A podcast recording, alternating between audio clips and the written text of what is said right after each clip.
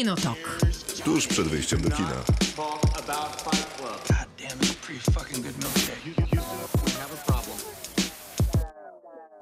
Krzysztof Majewski. Miłosława Bożek. Maciej Stasierski. No i jak wasze nastroje? Czy pogoda nastraja was świetnie do oglądania filmów, seriali, nie wychodzenia z domu spod koca? Tak. Nie. W 13 miesiącach pandemii to jest dokładnie to, o czym człowiek marzy. A filmy i seriale no coraz lepsze. No co, oj tak. Mhm. To, o to, to, to, to. Chciałbym zacząć od bardzo dobrej informacji, e, Tak? jaką jest fakt, że Sound of Metal pojawił się już e, w przestrzeni internetowej Tak i jest. można obejrzeć. Jest na Amazon Prime. Strasznie szybko to e, się wydarzyło i bardzo dobrze, bo film jest znakomity i nie ma co czekać, trzeba oglądać. Czy Zgadza mogło się. się to szybciej wydarzyć, patrząc na VOD premierę w Stanach Zjednoczonych? No, No ale to my czekaliśmy, czyli ten, kto miał prawa do dystrybucji, czekał Na jeszcze kino, na tak, kina, tak. a później już się dosyć szybko uwinął. My mm, o Sound of Metal już mówiliśmy. I e, będziemy pewnie w przyszłym tygodniu też mówić w, z okazji naszych przewidywań Oscarowych. Tak, po cały program poświęcimy takowym, e, a dzisiaj porozmawiamy o filmach trzech. Oczywiście zaczniemy od w robocie. Tym w robocie dzisiaj są filmy muzyczne, w które Sound of Metal się wpisuje, chociaż nie pojawiał się na tych listach. Też wydaje mi się, że jeszcze nie tak dużo osób go obejrzało, jakby mogło. Pojawiało się dużo innych filmów, do nich będziemy się odnosili, powiemy też trochę o własnych filmach, e, a później recenzja głośnego i chyba długo oczekiwanego filmu, jakim jest Wonder Woman 1984. Takiego filmu właśnie będziemy recenzować go. Mhm. Jest to ten film. Później będziemy rozmawiać o kolejnym filmie, jakim jest Mauretańczyk. Tak. I zakończymy filmem. Billie Hol- United States versus Billie Holiday, a po polsku Billie, Billie Holiday. Holiday. po prostu.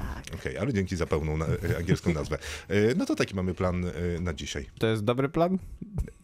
To jest niezły plan. W sensie momentami to jest wspaniały plan. Momentami jest też nie to mam, bardzo nie, zły plan. Nie miałam tych momentów. Więc to chyba. jest różnoraki plan. Tak. Nie miałeś tych Nie, momentów? nie miałam tych Najlepsze momentów. będą w, w, w robocie. To będą najlepsze Tak, momenty. to, to będą tak. najlepsze momenty. Tylko, że jest na początku, więc na końcu mamy też świetną niespodziankę, którą wam się wszystkim spodoba. Kinotok. Film. Czas na w robocie, czyli cykl cykliczny, który pojawia się co piątek na naszym Facebooku. E, I w tym cyklu pytamy o jakieś sprawy związane z filmami i serialami. Tym razem pytaliśmy o filmy i seriale muzyczne. Wytłumacz teraz filmy Właśnie. muzyczne, bo No dobrze, film muzyczny. ja miałem wątpliwość, czy y, mamy też brać pod uwagę musicale, ale one nie są w sumie filmami muzycznymi. W sumie to są Tylko filmami są muzycznymi. Są też, tak? podgatunka, podgatunkiem A. filmu muzycznego. Ale, ja nie je chcieliśmy. wyrzuciłem wszystkie. No i dobrze, bo nie Ja chcieliśmy też. musicali, ponieważ w robocie jest formułą, która ma swój początek i pewnie ma też swój koniec. To o musicalach to my sobie jeszcze pewnie kiedyś porozmawiamy przy okazji. Już nawet Już chyba rozmawialiśmy. rozmawialiśmy. I o musicalach już rozmawialiśmy, więc nie ma po co o nich rozmawiać. No właśnie, bo chyba przy okazji, okazji- premiery Kotów. Też i przy okazji też premiery Prom. Też rozmawialiśmy o musicalach. Dokładnie, balu. Tak było. Też to dwa dobre musicale bardzo. No więc musicale mamy za sobą, natomiast, Wyśmienite wspomnienia, wspominki się tutaj. natomiast może było to na tyle mało precyzyjne na naszym Facebooku, że no wszyscy, którzy napisali o musicalach, to też dzięki. Ale nie, tam, e, Niewiele tam było dużo jednak takich pojawiło. inspiracji polegających na tym, jak ja to podsumowałem. To są takie filmy, niektóre przynajmniej z tych filmów to są takie po prostu, w których się pojawia muzyka. Albo I jakieś tak, takie tak bardzo nasi słuchacze to o, o, ocenili też. To prawda, że była taka kategoria, y, która mówiła, że lubi tamten film, bo jest tam fajna Na piosenka. przykład Urodzeni mordercy. Tak, bo ma dobry soundtrack. Mhm. Ale to był komentarz, że to jest jak jeden długi teledysk. To prawda. To ładny komentarz. Bardzo ładny i spokojnie można by bronić tej tezy Tak. na bazie tego argumentu. Artur pisze, podróże pana Kleksa, Meluzyna i poradnika i poradnik młodego zielarza. Taka ciekawostka. I, t- I wydaje mi się, że to Artur już kiedyś pisał, albo może jest to inna osoba. Moja mama pracowała w wytwórni filmów fabularnych i tam kręcono finałową piosenkę z pana Kleksa w kosmosie. Statystowałem w tej scenie, przebrany za jednego ze skrzydlatych stworów stojących na schodach. Podobał mi się jeszcze film Frank z Fassbenderem. Mnie się w ogóle nie podobał oraz The Commitments. Y, Ale ta historia z panem Było Kleksem... coś, to już było. Właśnie, co, Mhm. w sensie nie z panem Kleksem, ale z wytwórnią filmów fabularnych. Tak czy inaczej, Arturze, będziemy szalenie wdzięczni, jeżeli znajdziesz kadr w tym filmie i zaznaczysz się O, tak. czerwonym kwadratem. Może być kółkiem też. Może być też kółkiem i jeżeli to będzie zrobione estetycznie, to będziesz wisiał na naszym zdjęciu w tle przez miesiąc. Tak jest. Nawet dłużej. Tak, bo, zapomina, bo Tak. u nas dalej są nowe horyzonty, więc Dokładnie. możesz tam zostać nawet na pół roku. Nie bardzo wiadomo, czy to kara, czy nagroda. Tomek, film z Lady Gagą, którego kadr się znalazł w tym poście, to a propos tego naszego postu, w którym pytamy was o filmy muzyczne i serialowe. W sensie A film to był Narodziny Gwiazdy. tak?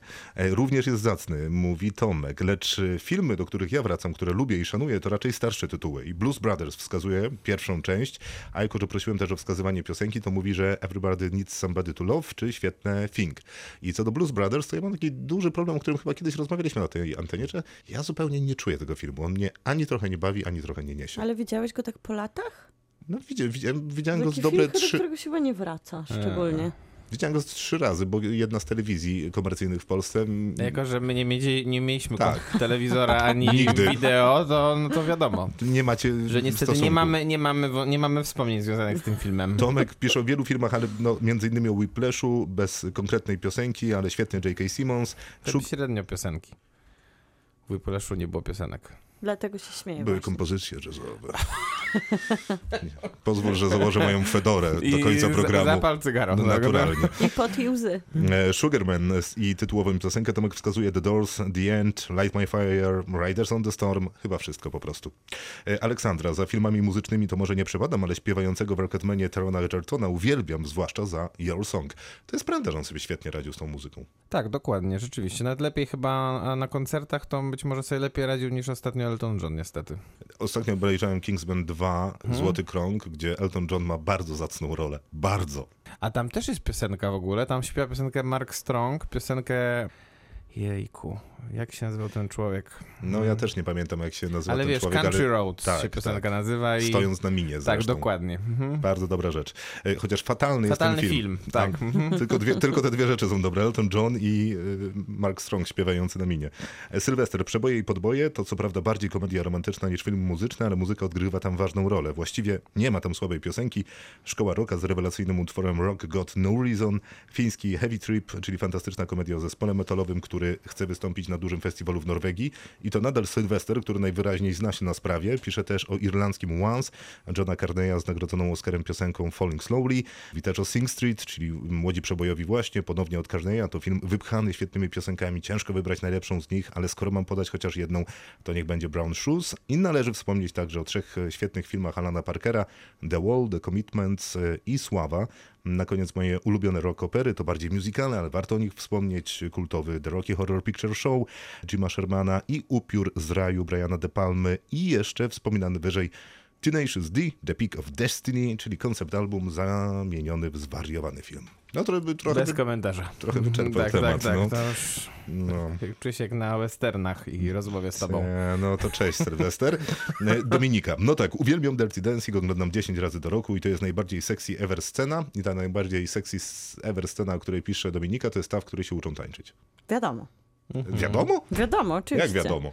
No tak jakbyś myślę, że oglądał częściej niż raz do roku, a w ogóle mieści się Dirty Dancing w twoim repertuarze filmów, do których wracasz? Nie. No właśnie, no to ci, którzy kochają... twoim się mieści? Ja bardzo lubię. No wiadomo, że w Miłki się mieści. Miłka jest zwolenniczką komedii romantycznych, a to jest też taki troszkę na tak, granicy. no on to nawet on nie jest romantyczny, on jest właśnie tak jak Dominika napisała, on jest super sexy. Okej. Marek. Tak jak ktoś wspominał, Urodzeni Mordercy i cudowny soundtrack z tego filmu, filmowo-muzyczno-aktorska petarda. I teraz jeszcze pisze Adriana i pisze Adriana, a nie Adrianna. Kameralny irlandzki film Once z piękną oscarową piosenką Falling Slowly. Znacie kogoś, kto ma na imię Adriana? No, nietypowe jest to imię, bardzo Jest. ładne zresztą. Pozdrawiamy. Bardzo ładne, pozdrawiamy. Tak. Mhm. E, Tomek, właśnie odświeżyłem Almost Famous z fantastycznym całym soundtrackiem. Tam właśnie jest piękne wykonanie piosenki Eltona Johna, Tiny Dancer. To jest w ogóle super film. A ja nie jest, świetna historia. wspaniały. Nie oglądałeś? to jest Wow, super historia o takim jest- nastolatku, który ch- y, Tak, chce tak, pisać. wiem. Z Kate, z Kate Hudson i z Frances Tak, McDormand między innymi, nie? Kate- Hudson tam w sumie nie ma specjalnie dużo roboty. Jest troszkę. Ona No ma taką charyzmatyczną autobusem. rolę. A jego gra ten Billy Crudup, tak? tak, Młody. dokładnie, bardzo młodziutki. Tak, ale fajna jest to historia, no bo właśnie opowiada o tym młodym człowieku, który chce bardzo pisać o muzyce i dołącza do zespołu i to w ogóle wszystko oparte na faktach, tam mniej lub bardziej i jeździ z nimi po całym... Piękna taka też Całych- coming age of story, nie tylko muzyczna. Tak, tak, tak, tak, Tak, chyba przede naprawdę. wszystkim nawet. Słuchajcie, tych głosów y, od słuchaczy na temat... Było strasznie dużo. Naprawdę I dużo. są raczej długie, to może y, na koniec. Magda czy Michał? Wybierajcie. Magda. Stary film, ale ze wspaniałą muzyką napisaną przez Petera Gabriela. Ostat... Zgodziłam się. Ostatnie Kuszenie Chrystusa oraz Ptasiek w reżyserii Alana Parkera. Tam też Gabriel popisał się swoim talentem kompozytorskim. The Doors ze znakomitą rolą Wala, Czarny Kot, Biały Kot, Emira Kusturicy, superfilm z muzyką w rytmach bałkańskich i ulubiony Sugarman z niestarzejącą się muzyką i tekstami. I tak brzmią głosy naszych słuchaczy, jeżeli chodzi o ulubione filmy muzyczne. To teraz, skoro Tenacious D pojawiały się parę razy, no to proszę bardzo.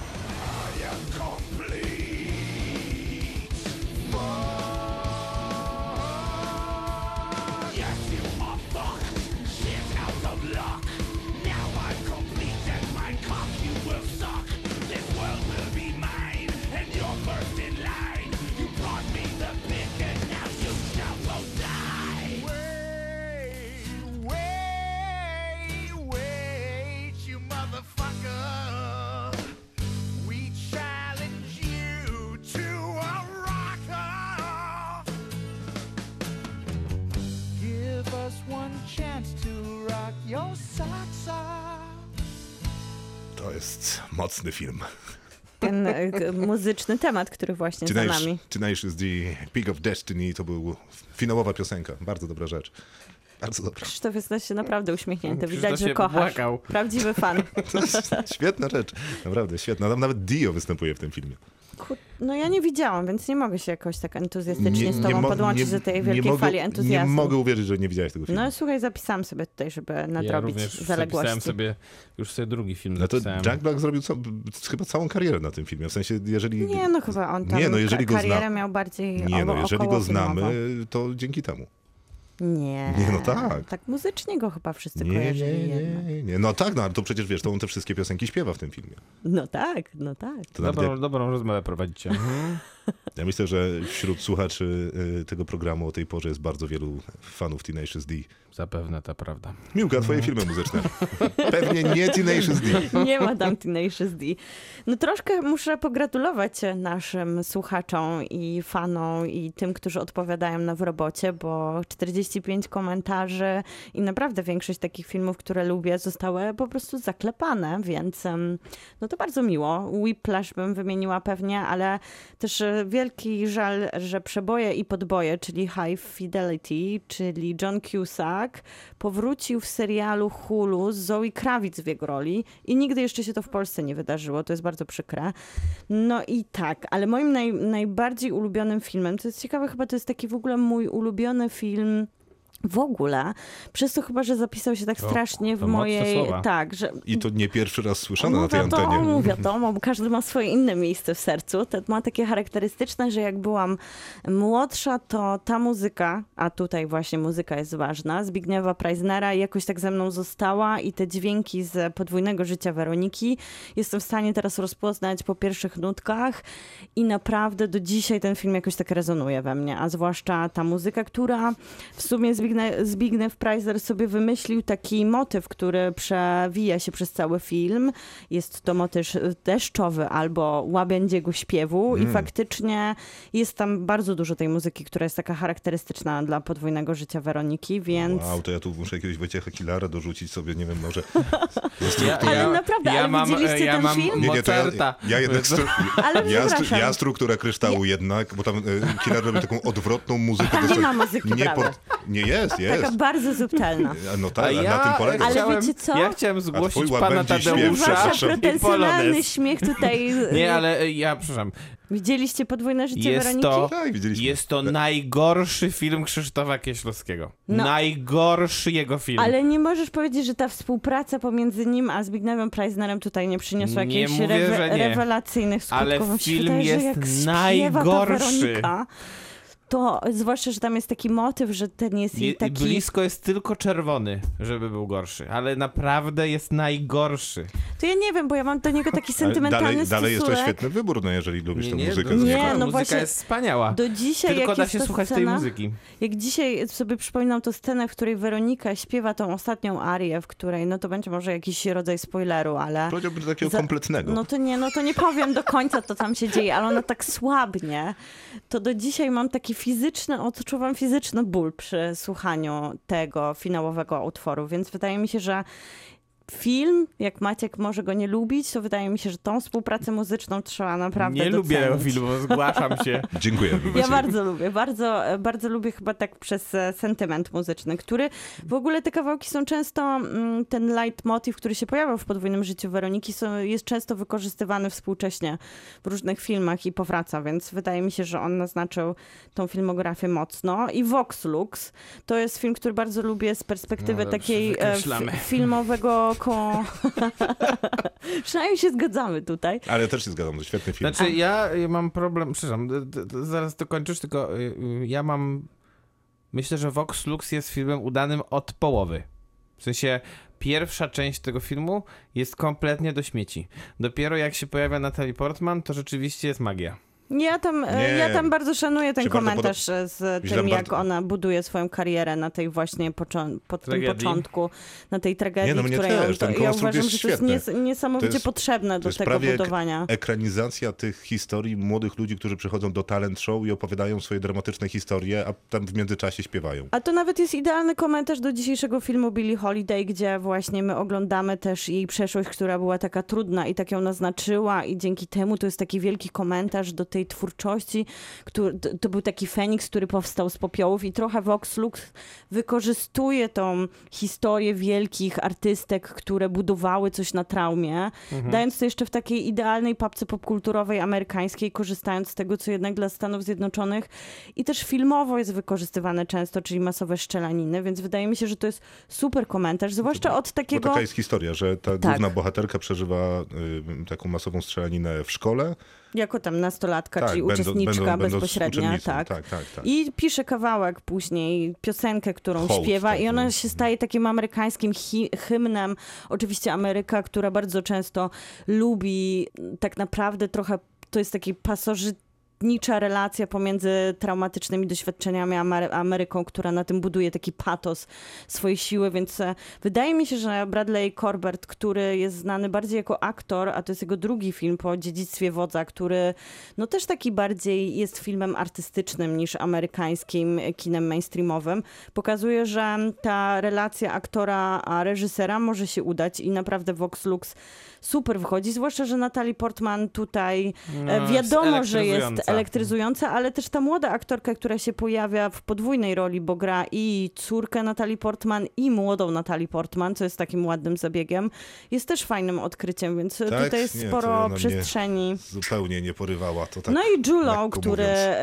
e, zadziwiająco po papieżu jakoś tak e, milej reprezentuje się w filmach i tutaj też bardzo fajnie gra takiego menadżera i dwuznaczną relację, który też bardzo często, nawet jak patrzymy znowu na ten na film Billie Holiday, który będziemy dzisiaj recenzować, to też jest wykorzystanie takiego znatego, znanego motywu, że słynne piosenkarki bardzo często w tle mają jakichś toksycznych mężczyzn, którzy utrudniają im karierę albo pasożytniczo na nich żerują. Czy to koniec? Nie, to jeszcze nie jest koniec, bo chciałam wspomnieć to, też o tak Control, błyskawicznie, jakby się dało? który zrobił Antony Corbin, który słynął z teledysków dla YouTube, Depeche Mode, Nirvany, fotografował gwiazdy i postanowił zrobić e, duży metraż, pełny metraż o Ianie Curtisie z Joy Division, czyli bardzo takiej charyzmatycznej postaci, jeżeli chodzi o taką postpunkową muzykę. I ten film mu nie wyszedł, ale to jest właśnie ciekawe, jak ta relacja pomiędzy teledyskiem tutaj się przyniosła. Jonathan Glazer, jemu się udało, a Antony Corbin zupełnie nie. I Human Traffic to jest taki film, w którym jest dużo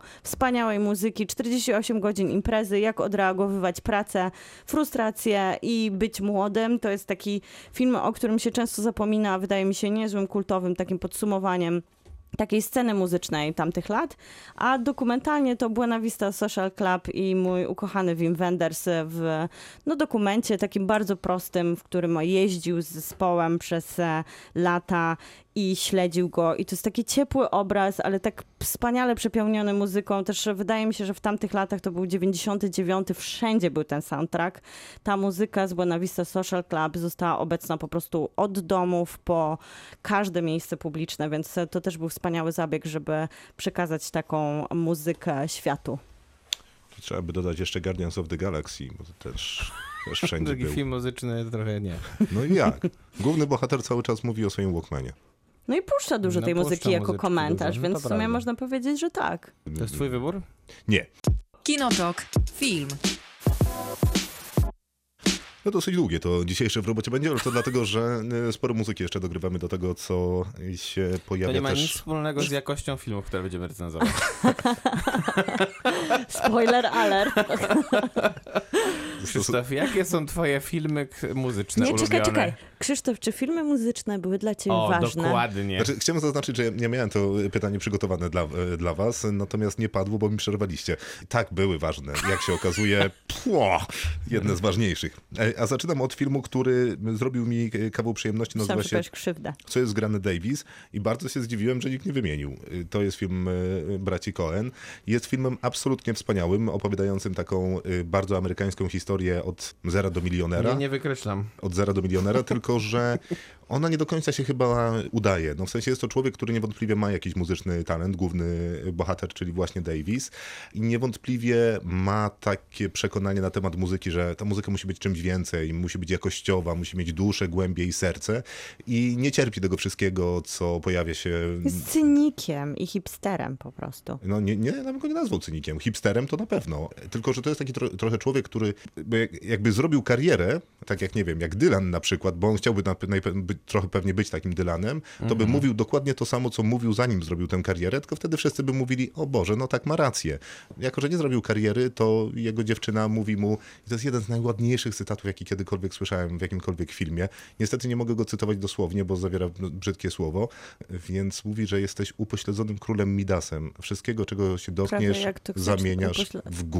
Y, Prawie jak z Twilightu cytat, że jesteś takim chorym sadomasochistycznym Tak. lwem. tak, to prawda. Do Prawie, kolekcji. prawie. To nie? jest najśmieszniejszy cytat, jaki znam z filmów, tamten natomiast uważam za e, najlepszy. I jest tam mnóstwo świetnej muzyki. E, Justin Timberlake tam jest, który Jest jest, tam- świetnym aktorem, a przy okazji bardzo ładnie śpiewa i gra na gitarze. Jest tam Justin Timberlake i to jest dokładnie to, czego Davis nie chciałby widzieć w muzyce. To jest ta postać Justina Timberlake'a e, jest mu obrzydliwa, absolutnie, zwłaszcza, że musi z nim współpracować w pewnym momencie, czego fragmentu wysłuchamy za moment. I, i film jest do zobaczenia na Rakutenie na przykład. Tak samo jak drugi z filmów, który jest świetny i nazywa się W kręgu miłości. E, Wiedziałam. To ten tak mogę przygotowałam wykreślić. się i wiedziałam, że go wymienisz. Wiadomo było, że Krzysztof Wiadomo, wymieni. nie? Wiadomo, no to to po już co go wielokrotnie zapisałeś mówiłem. kartce? No tak zapisałem, żeby mu No, przypomnieć, a, ewentualnie jakby okej. zapomniał. Rozumiem. Felix von Groening z Belgii, reżyser, który przygotował film, który niby jest o muzyce, bo dużo się tam śpiewa. Małżeństwo, czyli główni bohaterowie są muzykami, e, którzy śpiewają bluegrass, czyli takie bardziej rdzenne country i nigdy bym nie powiedział, że będę w stanie tego słuchać, a później jeszcze odsłuchiwać soundtrack, ale robiłem to wielokrotnie i soundtrack jest naprawdę znakomity. No ale przede wszystkim opowiada o takiej monumentalnej, najwyższej stracie, jaką można w życiu ponieść i jakiej można doznać, czyli o śmierci e, dziecka. No i jest to A film potem ten Felix von Groeningen zrobił tak słaby film następny. e, Belgika. D- Nie, nie. ym, ten z Timothy Chalamet, film o narkotykach. To jest jego? Mm? Żartujesz. Coś tam z Coś ojca tam w mój syn? Jego debiut, o, albo z jego, synem, debiut tak. e, jego debiut hollywoodzki. To jest najgorszy film, jaki widziałem. Naprawdę. Taka pró- nędzna próba szantażu emocjonalnego w każdych Mm. I tam 10 też sekundach. To z kolei było dziwne, bo tam jest zupełnie niewyczuta muzyka. W ogóle. Jest tak źle Ale dobrana. Ale nie, no jest tak, dobra, jest tak dobrana wyczute. jak u Snydera, mniej Tak. więcej. Dokładnie W sensie, tak. że jest taka przeskalowana do tego, co się dzieje. No i tak ładnie mu się udało opowiadać o smutku i o miłości w pierwszym Tak. Mój filmie i tak zupełnie nie się udało, o dokładnie, tak, Tak zupełnie nie udało mu się Tak. opowiadać o miłości i o smutku w drugim To jego dziwne, filmie. ale y, nie, to był trzeci, bo była jeszcze y, Belgika, tak, która była. chyba ostatecznie nie miała dystrybucji w Polsce i pamiętam, że obejrzałem ją na Wyspie Słodowej w ramach letnich pokazów. To była jedyna dystrybucja w Polsce, chyba poza jakimś Okej. festiwalem. Y, Ale to było niezłe. I na koniec mam jeszcze Straight Outta Compton, to na Netflixie można No, zobaczyć z kolei. No to jest super, To też jest super. super. No to jest super, tylko jest że super. to zupełnie innej muzyce, no bo tym razem mówimy o rapie. Kawał solidnego filmu, bardzo dobrze osadzony w klimacie, o którym opowiada, a przy okazji też pokazane są kulisy przemysłu muzycznego, co jest y, bardzo, bardzo zawsze ciekawe w w większości filmów. Chyba najciekawsze zresztą było e, w serialu HBO, którego tytuł właśnie wypadł mi z głowy. Trochę wygładzony był ten film, bo... Winyl? Winyl, bardzo Właśnie dziękuję. dzięki temu sobie przypomniałam o winylu, ale szkoda, A że winyl- zapomnieliśmy o tym serialu. A Winyl to jest serial, który kiedyś recenzowałem z Miłką. To było z dwa lata temu, jak wychodził. Dawniej chyba. Trzy lata temu, jak wychodził. I mówiliśmy, że to jest naprawdę świetny, wspaniały serial, ale docenimy go za 10 lat i uznamy go za kultowy. I tak dokładnie zakładamy i w sumie dalej teraz jak o nim myślę, to dobrze o nim skończył. myślę. Tak, bo on nie został wcale przychylnie przyjęty za Mę- dużo. On męczący jest taki bolesny, wiesz, bo ten główny bohater cały czas Jest albo, narkomanem. Tak, albo jest na narkotykach, albo jest y, po spożyciu alkoholu i głównie spotykasz go w tych momentach, kiedy on odżałowuje wcześniejszą noc. I naprawdę po A trzech sam- odcinkach masz wrażenie, że przemalowałeś pilot tydzień. który robił Martin Scorsese, trwa półtorej godziny i jest po prostu taką już. jedną, wielką, narkotyczną wizją, po której po prostu masz kaca takiego poważnego, emocjonalnego, nie tylko. Nie, ja miałem wrażenie, że mam takiego zwyczajnego No. film do filmu Herbatę. Ale to też właśnie świetny muzyczny przykład, bo tych seriali mam nadzieję, że Maciek może coś dorzucisz, ale w sumie nie wymieniamy żadnych. Krzysztof, Ja mam nie jeszcze jeden oczywiście. się pod Glee? Nie, nie podpiszę się, ale, chciał, ale właśnie chciałem Krzysztof jest powiedzieć. wielkim fanem. Nie jestem. No jest. Nienawidzę. Na, natomiast obejrzałem całość. No i właśnie. Tak? O Tak. proszę. Mówisz, że nie jest fanem? Sześć sezonów, czy ileś tam? No nie sześć, tam chyba były cztery dostępne, kiedy oglądałem. A, to ja... by- to Przypomnę ja jeszcze szybko, że Glee to jest serial opowiadający o chórze szkolnym i okazuje się, że ten chór szkolny włącza wszystkich y, do siebie, jest Tak. y, otwarty, tolerancyjny, przyjemny, miły i można być cool, będąc w chórze. I, No i- ja obejrzałem dwa i pół i w, na trzecim sezonie odpadłem. Nie, Ale to jest beznadziejne, natomiast ja byłem chory wtedy i to był maks moich możliwości intelektualnych oglądanie Glee. Że to jest Ryan Murphy i to był jego Nie, nie, początek. Nikt nie zapomniał. Nikt nie zapomniał. No i to był jego początek tak naprawdę, który no, po, pozwolił mu mieć Początek wielki milionowy, tak, tak. milionowy Tak, kontrakt tak, z tak, Netflixem. tak. Mhm. Cieszymy się nareszcie. A teraz Że Oscar ten Isaac. świeży głos A nikt nie w wymienił telewizji Glee amerykańskiej. wśród naszych słuchaczy, Było, bo było. wydaje mi się, że po, Don't Stop Believing było, była No, opuszczona dokładnie. piosenka. Kinotok. Film. Maciek, E, ważne były dla ciebie filmy muzyczne? Miłka, to O, pytanie zadaje się raz. za, za, za, zawsze były dla Ale mnie mam ważne. teraz trzy wejścia, No więc to prawda, można... a dla ciebie były ważne? Czy dla mnie były ważne? Właśnie ja sobie O nie, myślę, czemu że... ja zadałem to pytanie? Ale słuchajcie, bo to też jest dla was taki komentarz, że jak sobie o tym, e, o tym myślałam, No układając i tą miałem coś listę, powiedzieć, nie powiem. to nie ma za bardzo fajnych filmów opowiadających o konkretnych muzykach. Jak na przykład dzisiaj będziemy rozmawiać jest. o Billie No nie, Holiday. no ja Nie, zaraz nie, wymienię przynajmniej ze trzy. No ale to są dokumenty, a ja mówię o fabułach. No tak, to prawda. Ciężko z tymi fabułami. Jest, miałem, mia, miałem, Nawet Vox- e, miałem no, przez jakiś czas na liście taki film Clint Eastwooda Bird, to jest bardzo dobre Mhm. też kino. Tylko, że troszkę za długa biografia wydaje mi się. Natomiast te filmy, które ja sobie zostawiłem na tej liście, to tak, po pierwsze myślę, że to jest film muzyczny, jak dla mnie zdecydowanie. Billy Elliot, film o chłopaku, y, który... Film tańczy. A to No nie jest bardzo. muzyka? No tro... Ja wiem. A Footloose? E, I te wszystkie... To, To jest to więcej nie... muzyki. No więcej, no. To jest tak. d- Mam tutaj na liście dwa filmy, które obejrzałem tylko na Nowych Horyzontach i chyba nigdzie nie da się ich dostać, niestety. Jeden to jest film, który obejrzałem na retrospektywie Kena Russella. Y, Film się nazywa Mahler i opowiada o historii wybitnego kompozytora austriackiego Gustawa Mahlera. I jak wyszedłem z kina, to naprawdę pomyślałem sobie, że to jest takie połączenie Federico Felliniego z, z, z muzyką klasyczną i jeszcze z... Czyli masz tą muzykę No, naprawdę klasyczną. piękna Czy, sprawa. czyli jednak y, będziesz No, tutaj składał pana. Tadeusza. Dokładnie, będzie zaraz, będzie zaraz polonez Wojciecha Kilara. Drugi z tych filmów to Heima, film, który opowiada o trasie koncertowej zespołu Sigur Ros po Islandii. Straszną karierę ten film zrobił swojego czasu. Tak, Tak. Miałem wrażenie, że jeżeli się go nie oglądało, to, To wstyd. to wstyd. No, w niektórych obej- środowiskach to był wstyd po prostu. obejrzałem i było mi wstyd.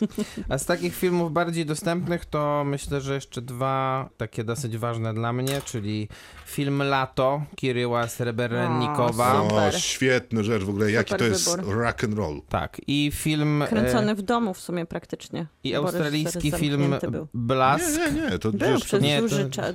pierwsza jedna trzecia filmu w zasadzie jest nad jeziorem, I część jest na przykład w autobusie. a część w fabryce. Tak. To może on go po prostu po zakończeniu miał ten areszt domowy, gdzie go tworzył. A jeszcze. może, mogło tak być. W każdym razie film jest akurat ten dostępny na Tak, VOD jest- Nowych tak, Horyzontów. Tak, tak, tak, tak, tak. No bo to Ale chyba on jest na- dystrybucja w ogóle. Mhm. Na większości Eee, platform. Jeszcze film, e, który przyniósł Jeffreyowi Rushowi Oscara i w sumie chyba sławę w Hollywood pierwszy raz przebił się do Hollywood. Film się nazywa Blask o karierze takiego, takiego pianisty australijskiego Davida Helfgota, który cierpi na chorobę psychiczną po- polegającą na tym, że w momentach takiego dużego stresu wpada w katatonię i jest tam jedna taka scena, gdzie gra koncert y, fortepianowy Rachmaninowa i, i nie jest w stanie go dokończyć. I potem jak Jeffrey Rush przejmuje tę rolę, to jest taka bardzo ładna scena rzeczywiście w, w pubie, w którym nikt go nie traktuje poważnie, on siada przy fortepianie i gra najszybciej na świecie lot Czmiela. To jest, to jest naprawdę piękny film i wspaniała rola Jeffrey'a Rusha. I na koniec Amy, film Asifa Kapadi o Amy Winehouse. Wyśmienity dokument. Myślę, że. Znaczy, generalnie problem jest według mnie zróżnicowaniem jakościowym tych trzech dokumentów. Które są Sceny na Amy i. które są trylogią. I Diego, I Diego. Tak a propos naszej ostatniej dyskusji, Tak, tylko podkreślam. Mnie pozamiatała Amy zupełnie emocjonalnie. Myślę, że myślę, że to jest niesamowity testament tego filmu, że film dokumentalny potrafi tak poruszyć, jak, jak najbardziej taka mocna, podbita muzyką fabuła bry- Właśnie wydaje mi się, że fabuła żadna nie była tak by w stanie Prawdopodobnie prawdopodobnie poruszyć. Zwłaszcza Może, ta w to- amerykańskiej narracji. A poza tym Asif Kapadia potrafi tego, co opowiadać robi. tak, Dokładnie. że to jest po prostu niesamowite. I Mm. ten film dostał Oscara za najlepszy dokument. Tak samo jak film o Krok od Sławy. Też film muzyczny. Tak, i on też wygrał z tym. e, Joshua Oppenheimerem. Dokładnie tak. Dokładnie. Ale wydaje mi się, że. Kapadia chyba też wygrał z nim, bo to były, bo te filmy, bo te filmy dzieliło parę lat i tam, i tam były właśnie, były właśnie chyba różnice właśnie, W że... sensie z drugim filmem Joshua Tak, dokładnie. Tak? Właśnie nie wiem, czy, nie wiem, czy Amy nie wygrała właśnie z pierwszym, a Okrągłą Sławy że z drugim. ze Sceną zbrodni, tak właśnie mogło być. Myślę, że ten werdykt jest dużo bardziej do wybronienia niż ten drugi.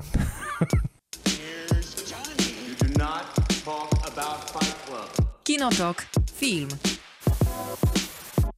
No to czas na Billie Holiday, czyli powód, dla którego dzisiejsze w robocie było poświęcone filmom muzycznym, bo to bez wątpienia film muzyczny, w którym muzyki nie brakuje i to muzyki, która jest mocno upolityczniona, w tym sensie, że no, pewnych piosenek zdaniem obecnego wtedy rządu Stanów Zjednoczonych śpiewać nie można, ponieważ podburzają społeczeństwo do tego, czego rząd akurat w tym momencie by nie chciał. Lee Daniels reżyseruje Andrzeja Day w roli głównej. No i w ogóle ciekawe, ten Lee Daniels ma za sobą mm, filmy, może nie muzyczne, to może zaraz Maciek e, więcej o filmach opowie, ale ma seriale muzyczne za Może sobą lepiej dwa. nie Maciek, bo Maciek będzie obrażał wszystkie te filmy po kolei. I bardzo dobrze.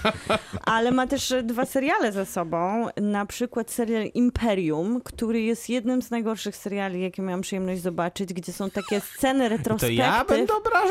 Gdzie są takie dramatyczne sceny To przepraszam. jest trochę dynastia, b- o, m, taka język opowiadania dynastii, tylko on się odbywa w przemyśle muzycznym, czyli mamy taki przepych e, jak w dynastii serialu naszych babci, a trochę język jest dokładnie taki zakorzeniony w dynastii, po czym tam się odbywają jakieś takie kuriozalne zabiegi filmowe, jak retrospektywy w kolorze sepi, takie rzeczy. Tak samo jak było w Precious. I on bardzo lubi takie zabiegi. One są wręcz, no to, to jest krępujące, jak się to ogląda. To był 2015 chyba rok, a później w 2016 zrobił taki serial Star, czyli też o takim Gills Bandzie, który na kanwie amerykańskich Gills- Gills Bandów zaczyna wielką karierę i jest to po prostu telewizja z lat 90. e, brutalna wręcz, więc e, filmowo on Tak, też sobie taki, nie... jest, taki jest reżyser filmu Nie, nie, to, to nie jest, to jest reżyser, który niestety ma problem taki, że nie ma niestety środków, ani chyba też za bardzo umiejętności takich, żeby rzeczywiście stać się tym głosem tej czarn- tego czarnego kina amerykańskiego, którym bardzo by chciał Tak, być. to prawda. E, I nie, nigdy nie będzie niestety ani Spike'em Lee, nawet przy manieryzmach Spike'a Lee on jest reżyserem o dwie klasy lepszym. Nie będzie też pewnie nigdy... Poza tym potrafiącym robić manifesty, czego na pewno Lee Dokładnie. Daniels nie potrafi Lee Daniels robić. robi takie kinko, e, tak bym to określił, Czyli takie... powiedziałeś Kinko? Kinko, Tak, takie, Naprawdę? takie, no właśnie, bo to, tak bym określił jego filmy, w sensie one... e, Takie telewizyjne przy są, okazji. są bardzo bezpieczne. Jedyny jego film, który, który można byłoby jakoś tam docenić, to jest ten jego drugi film, który też zebrał chyba największą widownię i najbardziej stał się taki popularny ze względu na to, że dostał dwa Oscary, czyli Precious, based on a novel Push by Sapphire. Film, który Nazywa się Hej Skarbie. Hej Skarbie się nazywa po polsku.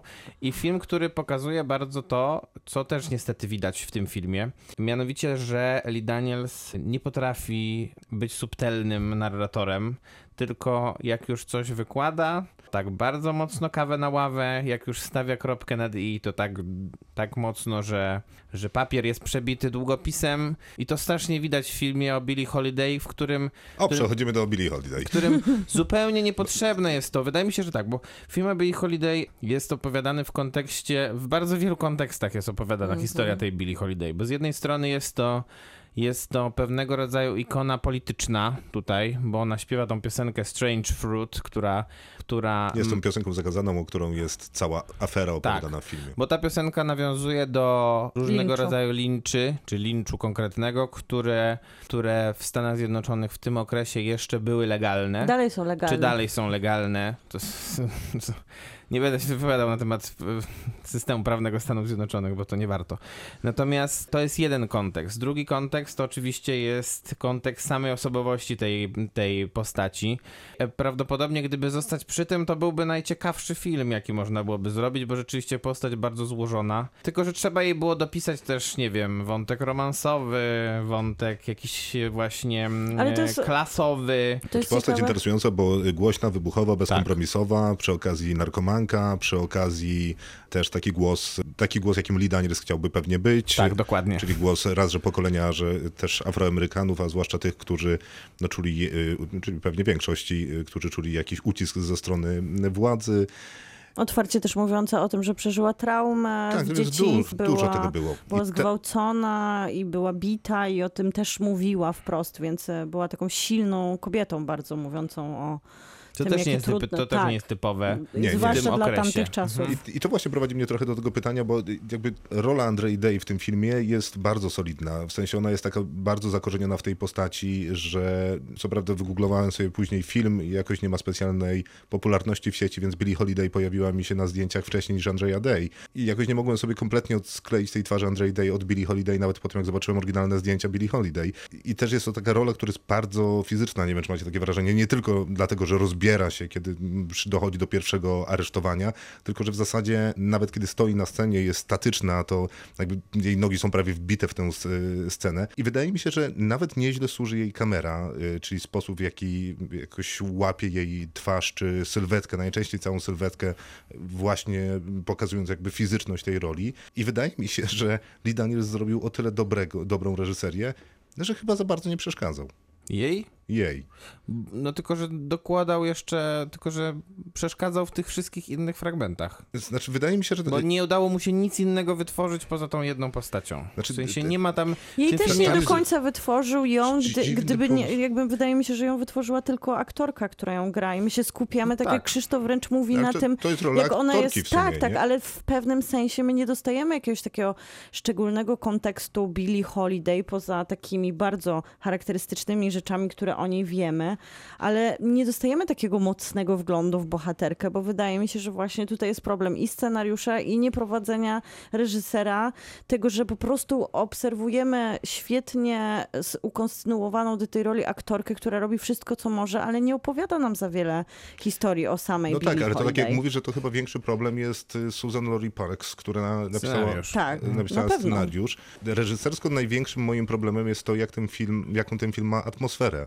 A ma atmosferę dziwaczną. W sensie momentami chociażby, kiedy ta Andrea Day występuje, jako Billie Holiday oczywiście, w tych jakichś klubach, teatrach, No, salach scenach, mhm. różnych, no to jeszcze jakoś to wygląda, chociaż no jest to takie jak wszystko, co było wcześniej.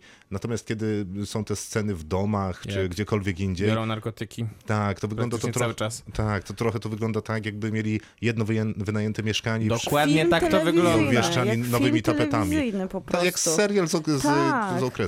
No, Dokładnie. e, I do tego decydują się na jakieś takie dziwne filtry w niektórych scenach, No. które te, robią taką jakieś, taką To szarzyznę, jest sepię, sepia, czy, którą czy sepię. To jest ambicja reżysera, który Ewidentnie. pokazuje, że tutaj jak bierze się narkotyki, To no się to ma zmienia się, ru- to, perspektywa. to się zmienia dokładnie no nie, no i, to tak. i wtedy ma się haluny i, i, i nie można, i, nie, i widzi się różne dziwne rzeczy i widzi się, nie Ale wiem, to by miało- wiszących to- ludzi na, na, Tylko na, jak na drzewach mówisz, i tak dalej. To jeszcze miałoby sens, bo na papierze to brzmi nieźle, bierze się narkotyki, ma No się tak. halucynacje, tylko że No tak. te zabiegi filmowe, którymi on prowadzi te halucynacje, są, są po Są prostu straszne. beznadziejne. Tak, Ten tak. No i to film się broni tylko w momencie, kiedy jesteśmy skupieni na bohaterce, najczęściej kiedy ona śpiewa albo Tylko- pokazuje swoją Tak, ale, charyzmę, nic najczę- więcej. a- ale trzeba, trzeba przyznać, że jakby naj, najwięcej, ta kamera głównie jest skoncentrowana na niej. No na szczęście. Natomiast szczęście. może. dokładnie. na przykład to, co robił Sorkin w tej y, siódemce y, z Chicago, nie? w procesie siódemki z Chicago, było o tyle ciekawsze, że on, że on dosyć łatwo skonstruował ten film. Mamy protesty, mamy, y, mamy proces, chłopaki siedzą w domu, rozmawiają o procesie i jakby opowiadając o całej współczesnej Tam też Ameryce. trzy, trzy lokacje są w sumie. I pój- tak, są trzy lokacje, później idziemy do sądu, załatwiamy sprawę. E, Sasha Baron Cohen rzuca kąśliwe uwagi, w końcu go wyrzucają chyba z tej sali sądowej. I tak można było opowiedzieć ten film o Mhm. e, Billie Holiday. A tam dowiaduje się, nie wiem, o, o chyba wszystkim razem z jakimś, nie wiem, przepisem e, rodzinnym na coś tam, ale nie dowiaduje się tak naprawdę No tak jak nic. od tak ciekawszego tej Fatalny, naj, najgorsze jest to, że bardzo dużo czasu zostało poświęcone na ten jakiś dziwny wątek polityczny i tego wpływu FBI na życie Billie Holiday, tylko że to, w, to nie jest wrzucone w żaden kontekst. Nie wiadomo dlaczego oni w sumie go, ją ścigają. Mhm. Tak. To jest tak bez sensu, że oni, oni, oni przecież przychodzą nawet do e, do szpitala, bo ona w końcu, no to, to akurat nie jest żaden spoiler, e, Billie Holiday zmarła pie- przed pięćdziesiątką na marskość wątroby i już pod koniec życia bardzo źle się, bardzo źle wyglądała. A oni nawet do szpitala przychodzą do niej i ona w tym momencie i to pokazuje jakby siłę kreacji, jak bardzo słaba jest, słaby jest konstrukt całej reszty tego filmu, bo ona w jednym dialogu potrafi, potrafiła w jednej wypowiedzi, w której powiedziała, że ona nie wie po co oni ją ścigają, ale nigdy i tak jej nie złapią do końca. Potrafiła em, rozbić cały pomysł na, na, na, resztę tak, na resztę jakby fabularną tego filmu Mhm. tą jedną wypowiedzią. No to, no to znaczy, że ten film e, sam siebie troluje trochę i to też nie jest dobrze, wydaje Ale mi ten się. film też jakby No, naj, największym nie jest. zarzutem do tego scenariusza, on, on nie jest w stanie unieść ilości wątków, które sam No sobie nie, nie, stworzył. tak, to jest I naj- nie to może jest się zdecydować, który okres Billie Holiday życia wybiera, bo trochę wracamy właśnie w Sepi do jej wspomnień z dzieciństwa, które też ją mamy taki motyw na przykład e, ale... tego wywiadu, który jest też taki właśnie... Bo tam mamy mnóstwo motywów, mamy mnóstwo też bohaterów, którzy się przewijają, ale nawet da, dodano jej fikcyjny romans z agentem federalnym. Jakby to nie była który- wystarczająco Dokładnie, kiedy ona miała czterech mężów i można jeszcze opowiedzieć może faktycznie jeden z jej związków emocjonalnych z kimkolwiek, a nie z fikcyjnym, fikcyjną Fikcyjną- miłość z, agde, z z agentem agentem, FBI. A ten federalnym. wątek dopisałem tylko po to, żeby, żeby było kilka scen łóżkowych i żeby, ale- no, nie wiem, I tak mi się to, tak, tak ale to to wydaje się, że te problem. wątki, które się piętrzą, wcale nas nie prowadzą do jakiejś konkluzji faktycznego życia Billie Holiday albo możliwych etapów, które ją kształtowały. Jesteśmy po prostu zarzucani informacjami i postaciami, które nie mają też w ogóle żadnej elektryzującej takiej osobowości, która by Znaczy ona poza ona ma. nią, ale o, jednak ona jest przepełniona ciągle życiem z ludźmi. Ja wiem, tylko że ja mam wrażenie, że wszystkie filmy, które są. Znaczy, to nie jest wrażenie, tak jest, że wszystkie filmy, które są portretami, z reguły nie są w stanie objąć całego życia swojej bohater, swojego bohatera czy bohaterki. Jakby najlepszym wtedy spo- sposobem na opowiedzenie tego życia jest wybranie takiego okresu, który jest najbardziej. okresu. Tak, jakiegoś tak. krótszego Tak, okresu. który jest reprezentatywny, Tak. albo najciekawszy, albo przełomowy, albo jakiś, tak? U Billie Holiday naprawdę można było opowiedzieć tę historię na przykładzie tego, tej y, piosenki Strange Tak. Fruit, Mhm. który Tak, y, śpiewała, a śpiewać nie mogła. Y, A drugim problemem jest to, że ja niekoniecznie po tym filmie chcę wiedzieć więcej o Billie Holiday, bo nie poszedłem na biografię, na nudny dokument, w którym gadające głowy opowiadają, że Billie Holiday była najważniejsza dla muzyki Stanów Zjednoczonych danego okresu, bo to i tamto. Tylko chciałbym poznać trochę jakby osobowość być może tej artystki i to wydaje mi się temu filmowi się udaje z różnych powodów. Głównie tym powodem jest Andrea Day, więc ja po części to jestem zadowolony. Ale ja na przykład uważam, że Andrea Day wypada fantastycznie jako aktorka, ale przez 130 minut ja trochę nie widziałam tego najpierw No, tej traumy, trochę, najpierw tej traumy, która jednak przypełniała życie Billie Holiday, a później tego triumfu, który miała przez moment, a później kolejnych tych sytuacji, które na przykład właśnie poprzez jej walkę o prawa czarnos, czarnych w Ameryce gdzieś cały czas podcinały jej te skrzydła. Ja tego nie odczułam, poza tym, że niesamowicie naprawdę Wiesz, no, zgarniają pada ze ta... sceny, więc no, to Znaczy ja nie mogę... to Albo sygnał. zakuwają do, na, na, na łożu śmierci do łóżka. No Tak, tak, nie mo- tak. ale Nie to, mogę to się nie są wystarczające elementy, które rezonują. Oceniajmy, co? No dobrze. to Chyba, nie- że chcesz zdanie podsumowania, to śmiało. W sensie nie mogę się oprzeć wrażeniu, że w zeszłym roku oglądaliśmy w, Judy. w oklisach Oscarów film e, Judy z Renée Zellweger. I Jakby różnica pomiędzy tymi filmami jest taka, że tutaj mamy rzeczywiście niesamowitą kreację aktorską. E, Tam nie mieliśmy aż takiej dobrej kreacji aktorskiej. Film był troszkę lepszy. E, I, i, i niestety być może przez to Andra Day, która myślę, że jakby, nie, jakby odebrała Oscara za dwa tygodnie, to nie byłby to najgorszy wybór Akademii Filmowej. Nie, na pewno byłby. nie. To jest Szczególnie że, szczególnie, że debiut y, naprawdę bardzo odważny, a poza tym, no trzeba, trzeba powiedzieć, to, to jest na koniec jakby, zaśpiewała wszystkie piosenki Billie Holiday sama. I to zaśpiewała I zrobiła to świetnie, a. Rami Malek, który odebrał Oscara, nie śpiewał. Tak, nie zawsze, śpiewał. zawsze dobrze przypominać. Synchro. E, Zawsze. Ja 5 na 10. Ja 4 na 10. Ja 5 na 10. Do not talk about Fight Club. Kinotok. Film.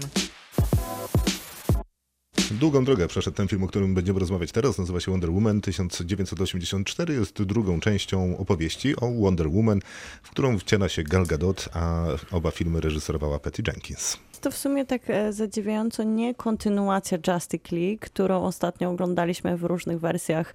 Można nawet Na sobie szaro. odświeżyć tak, w czerni i bieli, tylko to są Bo takie szarość jest los. jaka? Sprawiedliwość jest szara. Tak jest. To są losy w sumie Wonder Woman jeszcze przed Ligą Sprawiedliwości.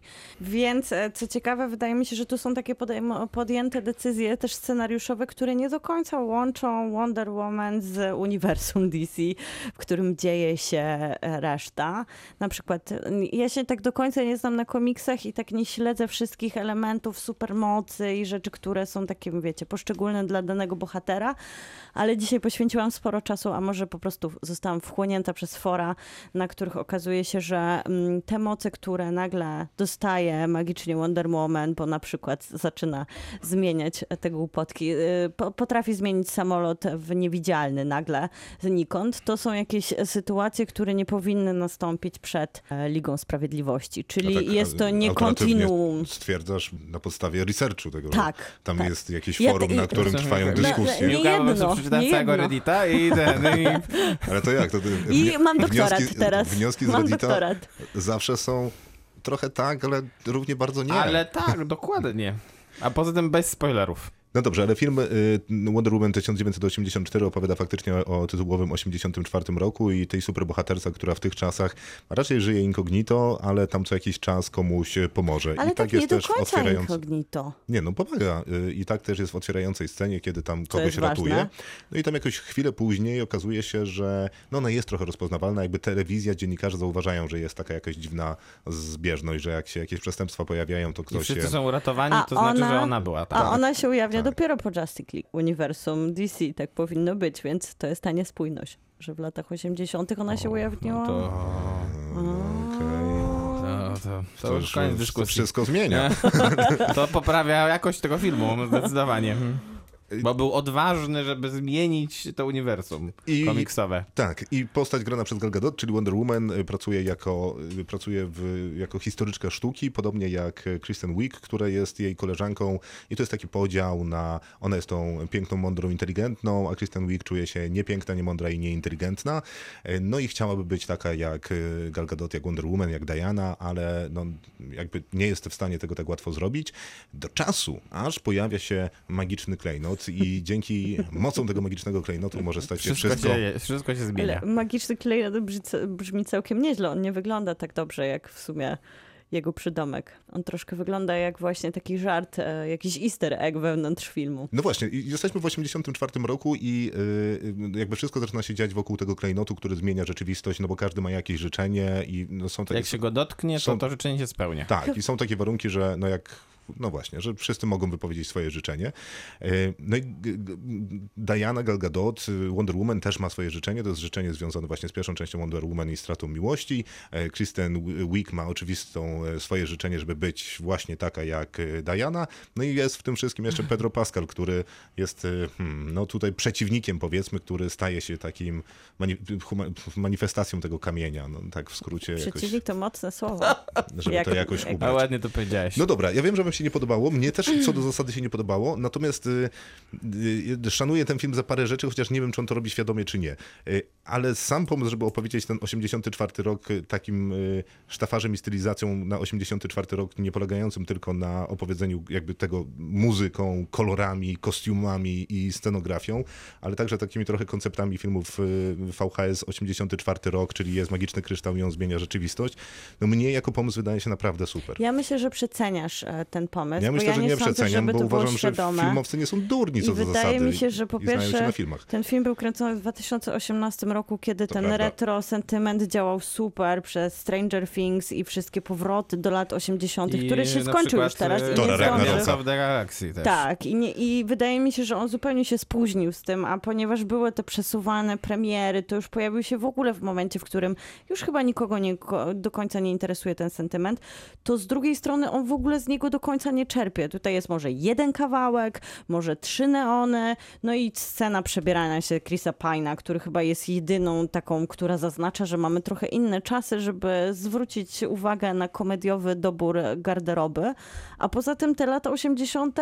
tam jest za dużo jakichś takich odwołań do współczesności, trochę jesteśmy tacy pogubioni, przynajmniej ja estetycznie jako widz, że momentami mi się przypomina, że to jest konwencja tego retrosentymentu, ale czasami to ja się czuję, jakby to jednak był 2021 i zupełnie nie widzę tej różnicy, więc to nie jest dopracowane stylistycznie, zwłaszcza jak na wielki budżetowy blockbuster, to Stranger Things sobie radziło z tym dużo lepiej, a jest serialem, który zaczynał raczej z małym budżetem, a dużym pomysłem, więc tutaj zupełnie się dla mnie nie sprawdza ta, to, ta konwencja lat 80., która no po prostu się nie wyczerpuje estetycznie.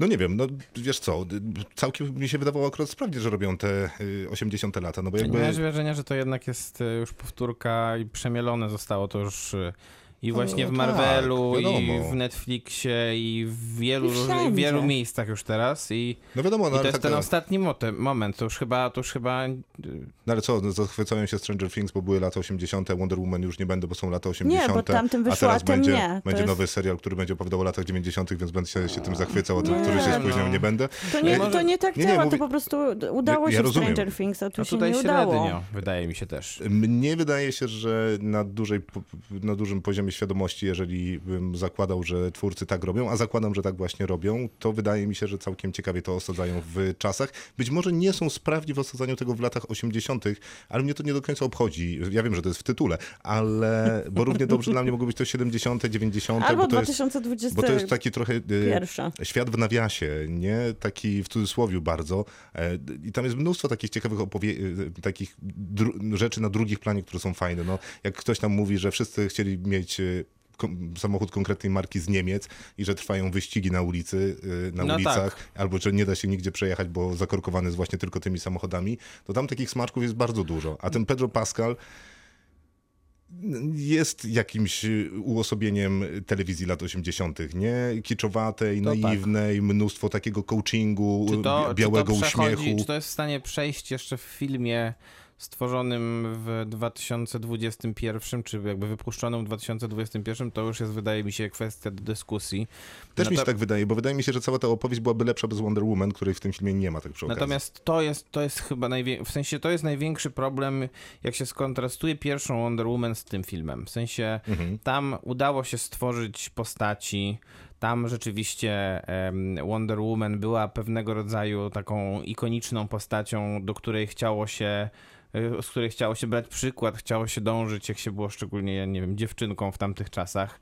Nie, Pomiędzy tymi bohaterami, pomiędzy em, Wonder Woman a tym Steve'em Trevorem była, było dużo chemii y, w pierwszej części, a tutaj, tutaj ten powracający Chris Pine, który y, Wow, który w ogóle nie wiadomo dlaczego postanowił zamieszkać w, i hostować ciało, ciało jakiegoś przypadkowego mężczyzny, co jest To to jest w ogóle zupełnym dziwnym pomysłem bardzo. absurdem. E, No, no to, i Przepraszam, ale nieoczekiwana zamiana ciał to też są lata 80. Ale to, to dobrze, ale tam jest to wszystko wytłumaczone, a tutaj to nie ma najmniejszego sensu. Poza tym wydaje mi się, że ten motyw, który może jeszcze działał w pierwszej części, ale dla mnie trochę był zarzutem do em, tego, że na przykład Captain Marvel sobie radziła jako faktyczna jednostka samodzielna, bez tego elementu, że jest jej potrzebny mężczyzna albo miłość, to przynajmniej ten romantyzm, który był w pierwszej części, jakoś się bronił, a w drugiej części Gal Gadot po 60 latach Wonder Woman, taka przygaszona bez swojej miłości, która nie mogła sobie poradzić, bez tylko jeden mężczyzna, którego w sumie znała trzy dni,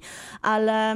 Ale to, że cała jej kanwa osobowości skupia się na tej miłości, Nie, no, wydaje to, mi się, że zupełnie odbiera no dobrze, autentyczną ale, ale siłę nie tej jest bohaterce. tak, że ona przez 60 lat po prostu nie spotkała nikogo, tak. kto akceptuje to, że jest Wonder Woman i przez to jest samotna? Na pewno nie pozwoliła sobie znaleźć, myślisz, że to jest e, argument? znaleźć Wystarczający? przestrzeni No do nie tego. wiem, a nie jest? No nie. No wiesz, jak komuś ściskasz rękę, może ją, mu ją urwać, no to mo można się poczuć samotnym.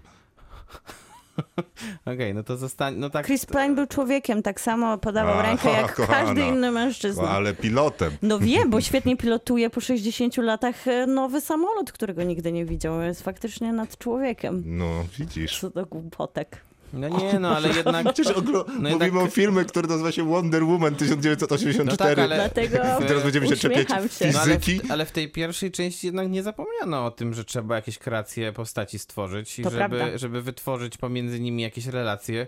A tutaj te postaci sobie przechadzają się po tym To ekranie. prawda. Już abstrahuję od tego, że nawet e, nieciekawy, nie, przynajmniej według mnie, nie, najgo, nie najlepszy villain e, pierwszej części, który grał David Tulis, no to i tak jest jakimś niesamowitym osiągnięciem kinowym w porównaniu z tą tutaj parą teoretycznie tych villainów, którą... Którzy nie gra- są wilenami, bo nie czujemy, żeby oni zagrażali komukolwiek, bo to też jest w ogóle ciekawa kanwa, że nikt z nas się chyba, nie wiem, martwiliście się o Wonder Woman, że nie poradzi sobie z człowiekiem kamieniem i, z człowiekiem, e, tak, i spełniającym dziewczyną życzenia. lampartem. Ja nie miałam w ogóle no nie, obaw, ale że w kinie tutaj... superbohaterskim rzadko No, ale martwię się o wynik tego starcia. Nawet no nie dobrze, o to chodzi, ale... to mm, dobrze by było, żeby jednak te postaci jakieś, jakąś, mia, jakąś miały budowę, nie? Nie ma... Nie, no ale Pedro Post- Pascal jest ciekawym y, przeciwnikiem. Nie, no w sensie Pedro Pascal się nie, nie, jest żadnym przeciwnikiem, Nie jest, jest, jakimś ale- stereotypem właśnie wynik, wychodzącym z e, ubranym jak, nie wiem, jak bohater e, Miami Vice i, i, i robiącym tylko trochę inne rzeczy, no. Aż do No momentu tak, no, ale finału, to, to który jest jednym z postać, to najgorszych gość jest finałów. szachrajem i przekrętaczem. Nie jest, bo Nie finał ma takiego ci- słowa, ale nie szkodzi. Finał ci mówi coś innego, to w ogóle jest jeden z najgorszych finałów chyba, No w tak, jakiekolwiek finał- nastąpiły w blockbuster, super bohaterskich filmach i tam Pedro Pascal jest właśnie, no ciężko stwierdzić, kim on bił i kim No ale on nie, teraz przepraszam, jest. e, ale no nie możemy przejść jednak, e, przejść jednak do porządku dziennego nad tą postacią, którą gra Kristen Wiig, bo co ona robi w tym filmie, to to jest zagadka dla mnie, szczerze powiedziawszy, bo... No tak, to jest, e, to jest duży problem. Najpierw, najpierw, je- najpierw wygląda jak postać, którą sama by sobie wytworzyła w sketchu z SNL-a, potem nagle... Ona Przy... mi się kojarzyła z brzydulą. Albo coś tak jest takiego, no. to charakteryzowana. y, No tak, te, takie postaci też ona tworzyła w tym kobieta, SNL-u, tak, więc mhm. prawdopodobnie tutaj,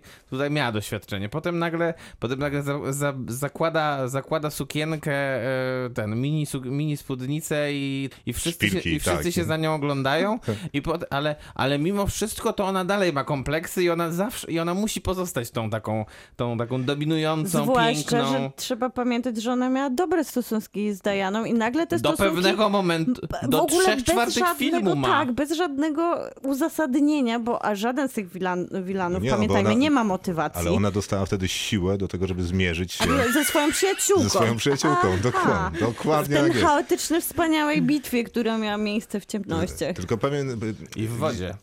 Bo ja nie wiem, I czy z to, prądem trochę. Czy to Tak. jest tak ja- jasno powiedziane, bo to chciałbym naprawdę powiedzieć, że to jest największą porażką tego filmu, moim zdaniem, jest fakt, że Gal Gadot w nim nie istnieje. W Nie sensie istnieje zupełnie. znakomita, charyzmatyczna aktorka, przynajmniej na podstawie tego, co robiła w pierwszej części Wonder Woman. Tutaj no nie istnieje. Naprawdę jakby Nie. grał ją, ją, nie wiem, sobowtór Gal Gadot. Najdziwniejsze, że chyba Chris Pine jest jedynym aktorem, który na chwilę ma jakąś osobowość, ale tylko dlatego, że jest tam sekundę na ekranie, więc można mu trochę Nie, dać wypa- fory, nie że nie musi mu. tak, że nie Dobra, musi. Pine oceniajmy, nie jest co? zły po prostu. No nie, nie, nie, On nie, raczej nie nie jest, jest no. złym aktorem To po prawda. prostu. Wśród wszystkich Tak. Chrisów. Tak, Dokładnie. Chris Evans, Chris Hemsworth. dobrze, dobrze ci idzie. innych. Jeszcze, jeszcze. E, Nie wiem. E, Maciej? Chris Pratt jeszcze. Chris Pratt, dobra, ja Eee, Trzy. pięć. Trzy. Myślę na dwa tak naprawdę, ale trzy. Kinotok. Film. No i ostatnia dzisiaj recenzja filmowa i w ogóle ostatnia. Maurytańczyk to jest film, o którym będziemy rozmawiać teraz. Maurytańczyk to jest film, który e, opowiada, myślę, że bardzo ciekawą historię. E, Mianowicie opowiada historię faceta, który został, e, który został wywieziony z Mauretanii i trafił do więzienia w Guantanamo na Kubie. Tam e, to jest oczywiście więzienie, które jest strefą eksterytorialną, ale pod władzaniem Stanów Zjednoczonych. I tam spędził, zdaje się, kilkanaście 14, lat. Dokładnie, dokładnie. 14 lat. Ym, próbując się stamtąd wydostać, e, został oskarżony o Nie współorganizację. został oskarżony. Był Był podejrzewany. podejrzewany e, o współorganizację zamachów z 11 września i obserwujemy jakby jego ewolucję i, w, i relacje jego z, z jego prawniczką w sumie głównie. Tę prawniczkę gra Jodie Foster, a tego głównego bohatera gra aktor znany m.in. z, z proroka Jacques Odiarda Tahar Rahim. I A myślę, że reżyseruje Kevin, Kevin McDonald. McDonald, między innymi e, reżyser znanych aktorek jeszcze pojawia się Shailene Woodley i Benedict Cumberbatch. Tak, i między, reżyser między innymi mm, Ostatniego Króla Szkocji, za którego Forrest Whitaker dostał Oscara film o Idim Aminie. I Tahar Też Rahim gra tego osadzonego, Jodie Tak. Foster gra jego y, prawniczkę, zaraz wytłumaczymy jak do tego dochodzi. Benedict Cumberbatch gra tego, który z ramienia Stanów Zjednoczonych ma doprowadzić do oskarżenia właśnie Co e, więcej, ma tego... doprowadzić do wyroku śmierci. Taki jest cel. Tak. Tak, tam jest powiedziane, że y, załatwi, załatwię mu igłę. Mhm. E, I to jest dosyć interesujące, natomiast dowiedziałem się tego w ostatniej karcie filmu, co nie jest je- jego najlepszą częścią, że Jodie Foster, która gra tutaj Nancy Hollander, tę prawniczkę, bierze sprawę Tahara y, jako sprawę pro bono w dużej kancelarii, bo te sprawy pro bono może sobie wybierać dowolnie, więc A stwierdza, to się że... dowiadujemy na początku filmu. Tak, to się dowiadujemy na początku filmu. Natomiast dlaczego ona bierze tę sprawę, jakie są jej motywacje, że ona jest taką prawniczką slash aktywistką, że zawsze zajmuje się tego rodzaju sprawami, że staje w obronie y, no, takich no, trudnych spraw, gdzie e, ktoś w filmie musi wygłosić, jak to w amerykańskich filmach prawniczych, taką kwestię, że nie, System zwalcza jednostkę. nie, nie, nie, że tam, y, że winę trzeba y, udowodnić A, i że tak, tam... tak. I że każdy na- ma prawo do obrony. Tak, o Dokładnie. właśnie, że każdy ma prawo Dokładnie. do obrony. No więc ona, ona oczywiście wygłasza tę kwestię i, i ma tę pomocniczkę w postaci... Shailene Woodley, która jest najgorszą aktorką na ziemi. Naprawdę jest i nie wiem, co tam robi. Znaczy wiadomo, co ona wiem. tam robi. Ona tam gra faktyczną postać, która towarzyszyła Judy Tak. Foster, bohaterce jej To ktoś, ją- ktoś ją powinien Tylko- zwolnić. Nie no, ka- tą postać, którą grała nie, lepiej ale myślę, że castingowo po prostu nie trzeba wybierać Nie. Shailene Woodley do e, żadnej Niczego, roli i tak, wystarczy. dokładnie. To prawda, ale nie, mówiłem, żeby zwolnić tę A, dziewczynę z kancelarii. tak, no, tak, bo oczywiście, najwyra- najwyraźniej nic nie robi. No. Ewidentnie jest tam taka, jest tam moment e, wolności od Shailene Woodley. On, Jest. słu- on Jest służy. piękny, on to jest bardzo piękny służy. moment. Czuję go, bardzo czuję go w sercu. Ten moment byłby piękny, gdyby nie to, że w tym momencie też pojawiają się e, takie sceny, które można byłoby określić scenami Lee Danielsowymi. To znaczy, że tutaj nagle mamy takie teledyskowe sceny, jak bohater jest poddawany torturom, że tutaj ma jakieś wizje i, i to też jest, to też źle wygląda. To, To tak jest złe. samo źle wygląda jak w Billie Tak. Holiday. Jest taki problem z tym filmem, że on opowiada naprawdę super mocną, super ważną. Wszystko z tą historią jest y, godne opowiedzenia Tak i powinno jest. zostać opowiedziane w jak najlepszy sposób. Co więcej, Bo bardzo... Guantanamo tak. jest y, absolutnie skandalicznym przedsięwzięciem Stanów Zjednoczonych. Jeżeli tak Absolutnie. się ratuje świat, to jest to zupełnie niepoważne. Jakby warto chyba y, przypomnieć, że ze wszystkich osadzonych w Guantanamo, a było ich tam dobrze ponad tysiąc, do oskarżenia i skazania doprowadzono 10 osób, ale 8 z nich uniewinnił sąd apelacyjny, więc skazane zostały dwie. Inna sprawa jest taka, Że no, Ja- ja jakby bym się- nieważno, czy nie, nie wiadomo, co ten cały, do czego ten cały proceder, to ostatnie zdanie, do czego ten cały proceder doprowadził i czy faktycznie jakiekolwiek y, no, takie wiarygodne, rzetelne, potrzebne komukolwiek dane udało się z kogokolwiek tam wyciągnąć, też skandaliczne oczywiście Ja bym, się, sposób. ja bym się chciała nie zgodzić, że do końca jakby to nie jest... e, To jest bardzo ważny obraz, bo dotyczy bardzo ważnej sprawy i faktycznie te dzienniki, które zostały wydane, bo to jest kanwa jakby scenariusze, dzienniki, które napisał Ten ten, główny bohater, osadzony, mhm. tak, które zostały wydane w 2015 roku, doprowadziły do tego, że on w końcu został zwolniony. Znaczy on został uniewinniony, ale dalej 7 lat odbywał karę w więzieniu, której nie ma. Ale wydaje mi się, że ten film, głównym jego problemem jest to, że tutaj nie ma ani jednej negatywnej postaci, przez co ten brak takiego wielowymiarowego podejścia do sprawy i wszystko trochę opowiadane w takiej disneyowskiej opcji, że wszyscy są dobrzy. No rozumiem, co ci, wszyscy są nie, nie, pomo- to rozumiem, rozumiem o co ci chodzi, ale mnie się Stany- wydaje, że tylko, pomysł na ten skończę, film... że Stany Zjednoczone jako, jako jedyny jakby trochę taki wilan całej opowieści, a tak naprawdę nawet nie Stany Zjednoczone, bo tutaj nie do końca widzimy ten konflikt z państwem, jak same Guata- Guantanamo, jako to miejsce, które przynosi tą krzywdę bohaterowi. Nie do końca rezonują, zwłaszcza, że świetną robotę tutaj wykonuje główny aktor, który wydaje mi się, O, że teraz zostanie aktor. pokazany, e, będziemy go więcej oglądać, zwłaszcza, że ta sprawa, zwłaszcza w Czekaj, Stanach to ja bym się Zjednoczonych, odniósł tylko do tego, co powiedziałeś, bo mnie się wydaje, że ten negatywny bohater jest w tym filmie, tylko że to jest źle zrobione. Że No. negatywnym bohaterem ma być też ten pozytywny bohater i ofiara tego filmu. Bo on ma takie momentami momenty, w których y, chyba reżyser chciałby gubić nasze myśli. W sensie Ale to nie jest odsuwać nam, pokazywanie go negatywnie. Odsuwać nam wątki, w których on mówi, że on faktycznie jest winny Tak. i faktycznie e, W pierwszej scenie to robi przecież, jeżeli w pierwszej scenie, w której, w której bohater kasuje, kasuje Mhm. całą swoją skrzynkę telef- Tak, e, pocztową w telefonie. Tak. Tak. I jest tam jeszcze parę takich momentów, w których e, kiedy on zeznaje, to faktycznie słyszymy, że jeszcze przed całymi sekwencjami tortur, że on się faktycznie gubi w zeznaniach. I jest też taki trochę buńczuczny w tych na początku, szczególnie jak nie zna jeszcze języka angielskiego. Poza tym Nie. ten aktor ma taką dwuznaczność sobie, która nam daje Tak. taką, takie Więc- lecz lekko socjopatyczne Dokładnie, więc podejście. tu wydawało w mi się, którym... że jest ten Tak, negatywny ja się bohater, zgadzam, ale tylko to nie jest wydaje mi się, że to bohater. zostało źle zrobione, że tam ten balans, że ja od samego początku nie wierzę w to, y, w to że on jest Jest, winny. nie wierzysz w oskarżenie. W ogóle nie, Hmm. nie wierzę. Wydaje mi się, że to jest właśnie jedna wielka blaga systemu, który Tak. chce udowodnić swoją niewinność, skazując go na śmierć.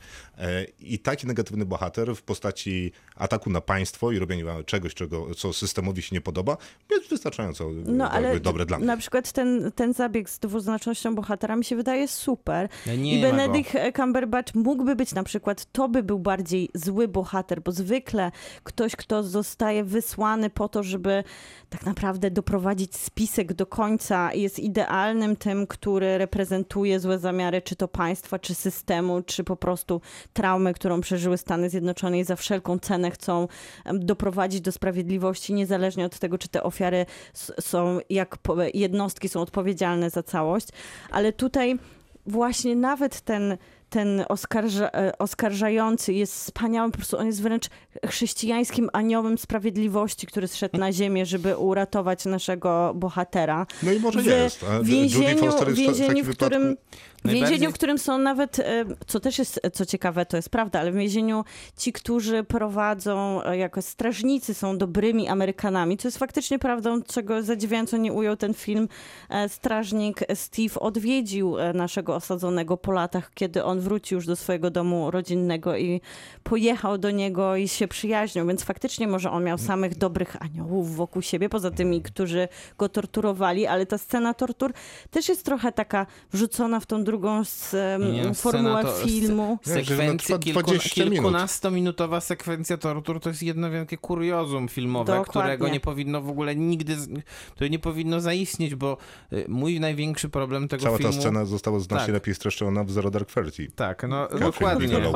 Y, y, I to w pierwszych pięciu minutach filmu prawdopodobnie tam jak jest ten waterboarding, to jest właśnie na samym początku Zero Dark Thirty. który jest innymi. znacznie bardziej dobitny, Tak. znacznie bardziej przejmujący, znacznie I bardziej taki- No zapadający i w to, pamięć. Zostaje i to, i to niestety dokładnie. pokazuje, że no, ten przykład jest dobry. Catherine Bigelow Dziękuję. jest, jest wybitnie kompetentnym reżyserem. Jest naprawdę fantastyczną, fantastycznym filmowcem. Kevin McDonald nim nie jest. No nie, nie No jest. nie jest. Y, Mimo, że ma znakomity temat, no bo y, jeżeli faktycznie mielibyśmy znaleźć tutaj winnego, to mi się podoba y, ten pomysł na, na to, że on wyjątkowo często pokazuje te kolejne y, kartki zadrukowane czarnym tuszem. Tak, to jest bardzo dobre. E, Bardzo mi Tak. się podoba ta dekonstrukcja systemu, w której pokazuje, że co prawda jest prokuratura, co prawda jest obrona, co prawda jest domniemanie niewidności, ale w areszcie, nie w którym ma. powinieneś siedzieć dwie doby, siedzisz 7 lat i nie ma z tym problemu. Tak. I co prawda system jest zbudowany w określony sposób, ale nagle na potrzeby akurat walki z terroryzmem dopisujemy jeszcze jedną instytucję, która co prawda jest niby niezależna od prokuratury i od obrony, e, ale będzie recenzować to, co przesyła e, więzień i to zarówno w Guantanamo, jak i w archiwum e, wszystkich spraw dotyczących terroryzmu. No przecież to są tak niewiarygodnie absurdalne rzeczy, które być może na takim prawniczym papierze się trzymają kupy, no bo osoba, która Myślę, zdradzi jakieś informacje, to ma odpowiedzialność karną, ale no naprawdę? Nie, nie, to się nawet na papierze prawniczym nie trzyma. W sensie, w sensie całe przedsięwzięcie związane z, ze ściganiem terrorystów, którzy byli, którzy byli w jakoś sposób zaangażowani w zamach z 11 września. Całe, cały, cała idea e, więzienia w Guantanamo no to to się nadaje pod Europę, to się nadaje pod Międzynarodowy Trybunał Karny. I Nie, to no, ja to wszyscy oczywiście. powinni wylądować przed nim. To jest niemożliwe, że, że prezydent, prezydent George W. Bush e, chodzi, chodzi, na, chodzi na wolności. W sensie nie powinien nigdy tak, to nie może tak, tak, tak, nie mógł, tak nie może świat wyglądać normalny. Znaczy, gdy będąc uczciwym, to prezydent Barack Obama też niewiele zrobił w sprawie... Zgadza Tak, się, tak, tak, oczywiście. tak, tak, E, Tutaj, tutaj jest taki przecież sztyczek na sam koniec tego filmu, Chociaż kiedy, kiedy bohater się dowiaduje, że teoretycznie powinien zostać zwolniony i nagle dowiadujemy się e, w następnym slajdzie, że tak powiem, filmu, że, że e, administracja Baracka Obamy jednak odwołała się od tego wyroku i następne jeszcze 7 lat przesiedział. Ale właśnie Więc przez jakby to, że dokładnie tak tyle samo, jest... ile Bush mu Dokładnie. zafundował. Przez to, że tak mało jest tych wątków politycznych, które są tylko tak zarysowane w tle albo pojawiają się wręcz po napisach, to ten film też mi się wydaje taki bardzo bezpieczny politycznie. Niby pokazuje nam sytuację, ale trochę jest jak, jak same te pamięty, y, dzienniki, które zostały wydane. One zostały scenzurowane zanim zostały wydane, a i tak stały się bestsellerem w Stanach. I trochę jak, jakby taki jest ten film, że wydaje mi się, że on został tak troszeczkę scenzurowany zanim został napisany i dostajemy trochę tą historię, ale ona nie uderza z nas w pełną mocą, którą spokojnie mogłaby wybrzmieć i przez to trochę mi żal Judy Foster, która tutaj powraca po latach na ekrany, a powraca w takim trochę staromodnym stylu, bo No ten film ma na maksa co, taką... Co to ona ma za postać na, napisaną, no, że ma zacis- cały ten film jest taki trochę zaciskać staromodny. e, szczęki, być taka mocna i zasadnicza Ale to i ma tyle do Foster zrobienia. jest no. idealna w takich Wiadomo, rzeczach. że jest, Jest idealna, ale ona mogłaby sobie Naprawdę. spokojnie Jest. pozwolić na więcej. Nie ma nic do zagrania, Ale, ale... ale... ale naprawdę to, że ona jest taką, wiesz, jak widzę zdjęcie tej prawdziwej postaci, którą gra na Tak. końcu, to to jest taka prawniczka hipiska, która, Tak, tak. y, y, wiesz, ideologicznie y, tutaj jej dali będzie bronić przez... jakąś. Tak, przez 25 lat kogoś, no bo tak uważa. I ewidentnie Ale- za mocny makijaż, Ale to na jest dziwne. postać, Tak, którą na- na- widzimy później po napisach. I naprawdę nie, nie mam zielonego pojęcia. Judy Foster, postać Judy Foster taka nie jest, no ani Nie, trochę. absolutnie. Znaczy, to jest najdziwniejsze to, co Miłka mówi, że ten film jest jakiś taki mm, poddany cenzurze i tak nie powinno być z, może z, jeszcze z tego powodu, że reżyser wcale nie jest Amerykaninem, jest, Wiem. jest Szkotem, który nie powinien mieć żadnego za bardzo zaangażowania emocjonalnego w temat, y, więc y, w sensie takiego, y, które by, które by wymuszało na nim jakąś taką autocenzurę, tylko jeżeli chciał postawić, postawić cały system em, działania, system sprawiedliwości Stanów Zjednoczonych przed, przed sądem, takim em, em, metaforycznym, filmowym sądem, publicznym, tak. no to powinien to zrobić po prostu. No a zrobił, a zrobił taki film w pół kroku. I nawet Może, trochę ale ja nie wiem, czy to jest film w pół której... kroku, czy to nie jest taki pomysł reżysera na to, że y, i wydaje mi się, że to jest gorszy wybór, ale że on skupia się na tej postaci ofiary, mm, Mhm. czyli tego Tahara Rahima i dlatego mamy w, w tym filmie 20 Tahar minut. Rahim to aktor, pamiętaj. Tak, tak, tak. Są, a, a postaci grane przez Tahara Rahima i dlatego w, tej, w tym filmie mamy 20 minut tortur, zupełnie bezsensownych i dlatego w tym filmie mamy te wizje Mhm. zupełnie bezsensowne, bo on wtedy pokazuje ci duszę człowieka. Tak. No ale nawet wydaje mi się, Nie, że e, naprawdę. mocnym Piękne, piękne. statement reżysera Mam taką i obawę. koncepcji tego filmu jest chyba to zakończenie, w którym my oglądamy faktycznie naszego bohatera w takich sekwencjach, że już go widzimy nie aktora, kiedy on słucha muzyki, uśmiecha się, e, Boba Dylana dokładnie słucha i śpiewa piosenkę, że to jest trochę takie podsumowanie całego tego filmu, że on właśnie chciał opowiedzieć jednak taką historię przepełnioną happy Ale endem moment, nie, no to ja, ja to opowiadając jednak czytam. historię, która w ogóle nie, nie ma w sobie happy Ja to, endu przez moment. Umieszczenie tego, tego bohatera prawdziwego na samym koniec filmu, to jednak ma być chyba taki, mm, nie wiem jak to pan po polsku teraz powiedzieć, taki seal of approval, czyli takie, takie, takie postawienie sprawy, że, że ten bohater, o którym ten film jest, to on się zgadza na to, jak on jest pokazany w tym filmie i to jest taki wymyk, e, że reżyser, e, że reżyser nie mógł nic zrobić więcej, bo pewnie bohater by się nie zgodził. I to wszystko jest strasznie przez to Czyli co, dał fałszywe. się, dał się ocenzurować swojemu tak, bohaterowi? trochę tak. Czyli no jednak właśnie, ta cenzura tutaj jest cały czas ze ale, wszystkich ale, stron. ale no jakby tym bardziej, tym bardziej szkoda, że ten film szczególnie w tej drugiej części się rozpadł e, tak bardzo mocno, no bo trochę jak e, Andra Day w filmie o Billie Holiday, tak Tahar Rahim zasłużył na to, żeby film był lepszy. Poza tym też mi się wydaje, No, że po... Myślę, że y, cała ta sprawa zasłużyła, bo, Tak. to na pewno. bo faktycznie y, ten film miał potencjał, nawet nie zajmując się polityką i konkretnymi nazwiskami, Mhm. tylko nawet skupiając się na tej postaci, oj spokojnie mógł w takim filmowym świecie postawić całe Stany Zjednoczone y, przed filmowym sądem, jak mówiłeś. No bo teraz Tylko, o tym że wydaje filmie mi się, że wszyscy trochę- zapomną Tylko, po że wydaje mi się, że po pierwsze Tak ten będzie. film jest trochę spóźniony, bo e, jakby ten komentarz e, mógłby być umiejscowiony trochę wcześniej w Stanach Zjednoczonych Mhm. niż teraz, bo teraz to tak wybrzmiewa troszkę jakbyśmy...